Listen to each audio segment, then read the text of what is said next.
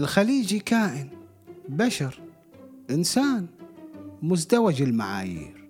داخل كل واحد فينا شخصيتين متناقضتين. ما تعرف الريال تحطه بذمتك. هذا ريال محترم.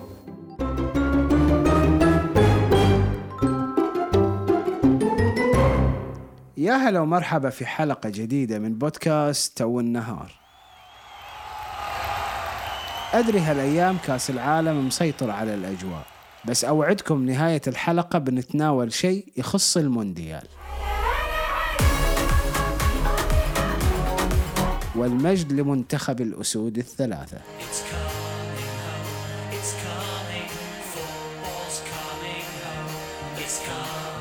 موضوع اليوم غريب وعجيب ومحير في نفس الوقت. أنا شخصيا مو قادر أستقر على تفسير له. أو أني أفهمه بشكل حاسم. ليش الخليجي منا في كثير من الأحيان يكون مزدوج المعايير بطريقة مستفزة ومثيرة للملاحظة؟ يعني كيف تقدر تتبنى قيم ومبادئ في مواقف معينة وفي نفس الوقت ترفضها وتوقف ضدها في مواقف أخرى؟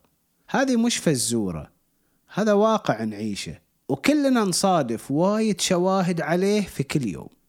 تصادف واحد صبح ليل يردح من أجل الديمقراطية والحرية في مصر أو سوريا مثلا وهو نفسه ضد أي تغيير من هالنوع في بلده.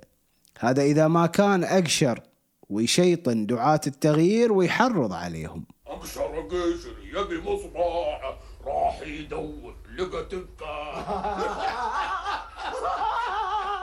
عندنا أيضا الخليج اللي يهتم ويفزع ويتضامن مع اللاجئين السوريين في أوروبا. أو حركة السود في أمريكا لكنه مستحيل يضغط على بلده لاستقبال لاجئ سوري واحد أو حتى أن ينتقد مظاهر التمييز العنصري والطائفي في بلده.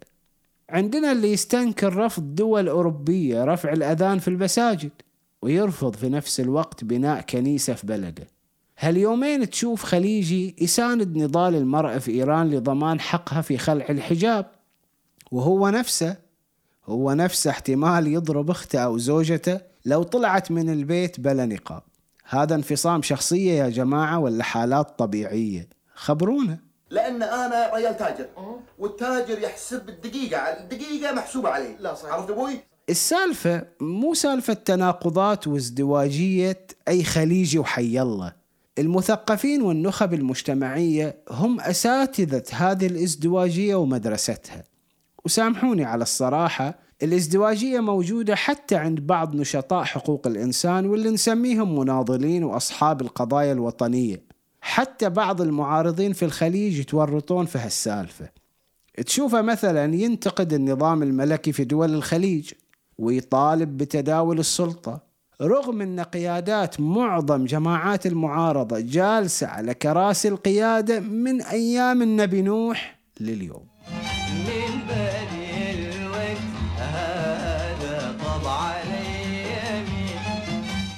دائما راح نصادف أن رحابة الأفكار والتطلعات توقف عند جدار معين. دائما إيماننا بشعاراتنا وقضايانا الحساسة صاير ينباع بالقطعة مو بالجملة. بس ليش؟ ليش العنز ما تشوف ذيلها مثل ما يقول إخوتنا الإماراتيين؟ وعلى طار الإمارات وإيش رأيكم في ميحد حمد؟ لا تذكرني بحبك يا غناتي. ولا تذكرني بماضيك الجميل الأغنية ما لها علاقة بالموضوع بس أنا أحب ميحد حمد وقلت لازم ندخلها في البودكاست. نرجع لموضوعنا. أنا قلت قبل شوي إنها الظاهرة غريبة ومحيرة.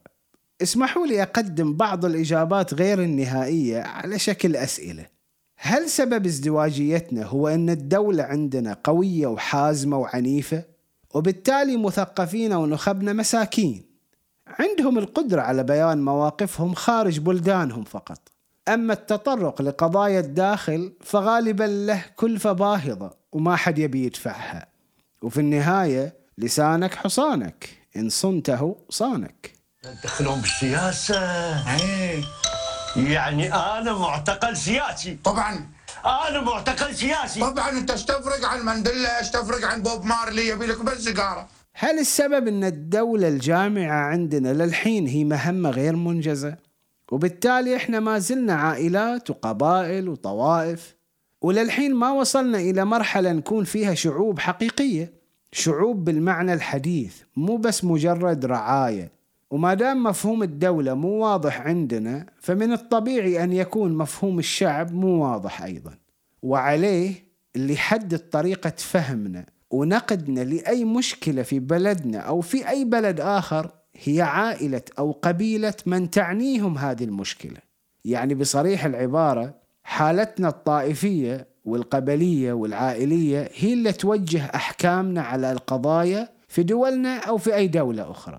صحيح الدولة ظلمت فلان بس بما أنها الفلان هذا ما يقرب لي ولا هو من جماعتي فببساطة ما لي علاقة بالموضوع.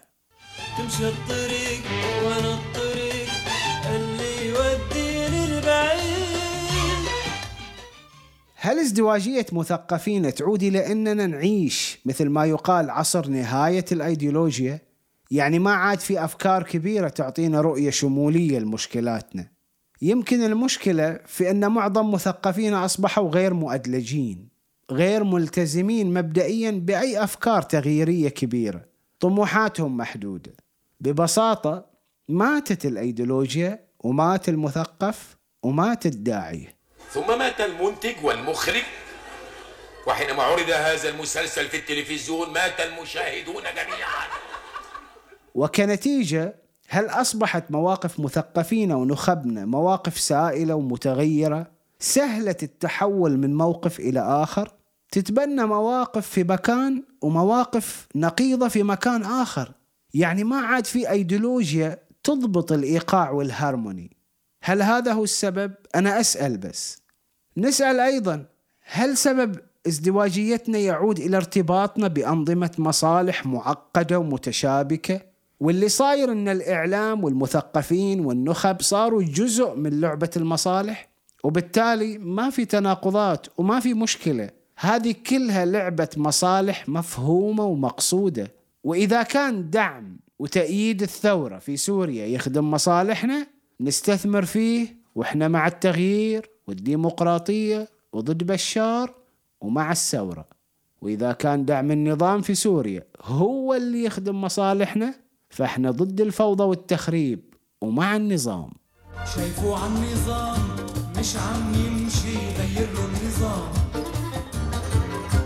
إذا بيمشي عن النظام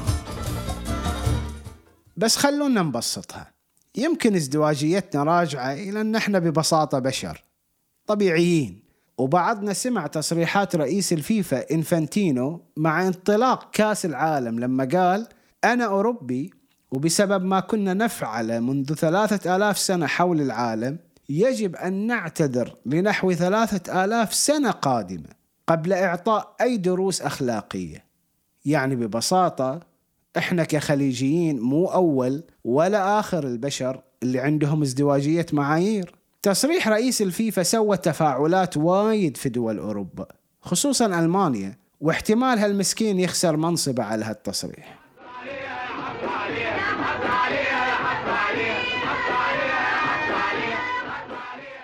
لكن إذا كنا كخليجيين مو أول ولا آخر الناس مزدوجي المعايير على الكرة الأرضية فعلى الأقل مو لازم أيضا نكون غير واعين لهاي المشكلة ولا غافلين عن هذه الإزدواجية وتأثيراتها علينا. يعني لازم نواصل طرح المزيد من الأسئلة على أنفسنا. مثل ما سوى إنفانتينو وهو أوروبي مع الأوروبيين لما خلاهم يشوفون نفسهم في المرآة بوضوح. النظر والانشغال بمشكلات البلدان الأخرى طبيعي في عصر العولمة. بس خلونا نشوف بلداننا شوي يا جماعة. خلونا نركز ونبذل جهد حقيقي في بلداننا علشان نحقق اختراقات حقيقية على مستوى الحريات ونطور هذه البلدان ونتطور معاها. يا قوم. إننا ندبر الآن أمرا فاتنا من قبل. كثير من محاولات القفز على الدولة الوطنية باسم القومية أو الأمة أو الأممية أو الدين انتهت بفشل ذريع. كثير من عمليات الاستثمار ما وراء الحدود انتهت إلى الفوضى وأعمال الإرهاب. خلونا نكرس نفسنا لدولنا شوي ونغير في روحنا قبل لا نغير غيرنا.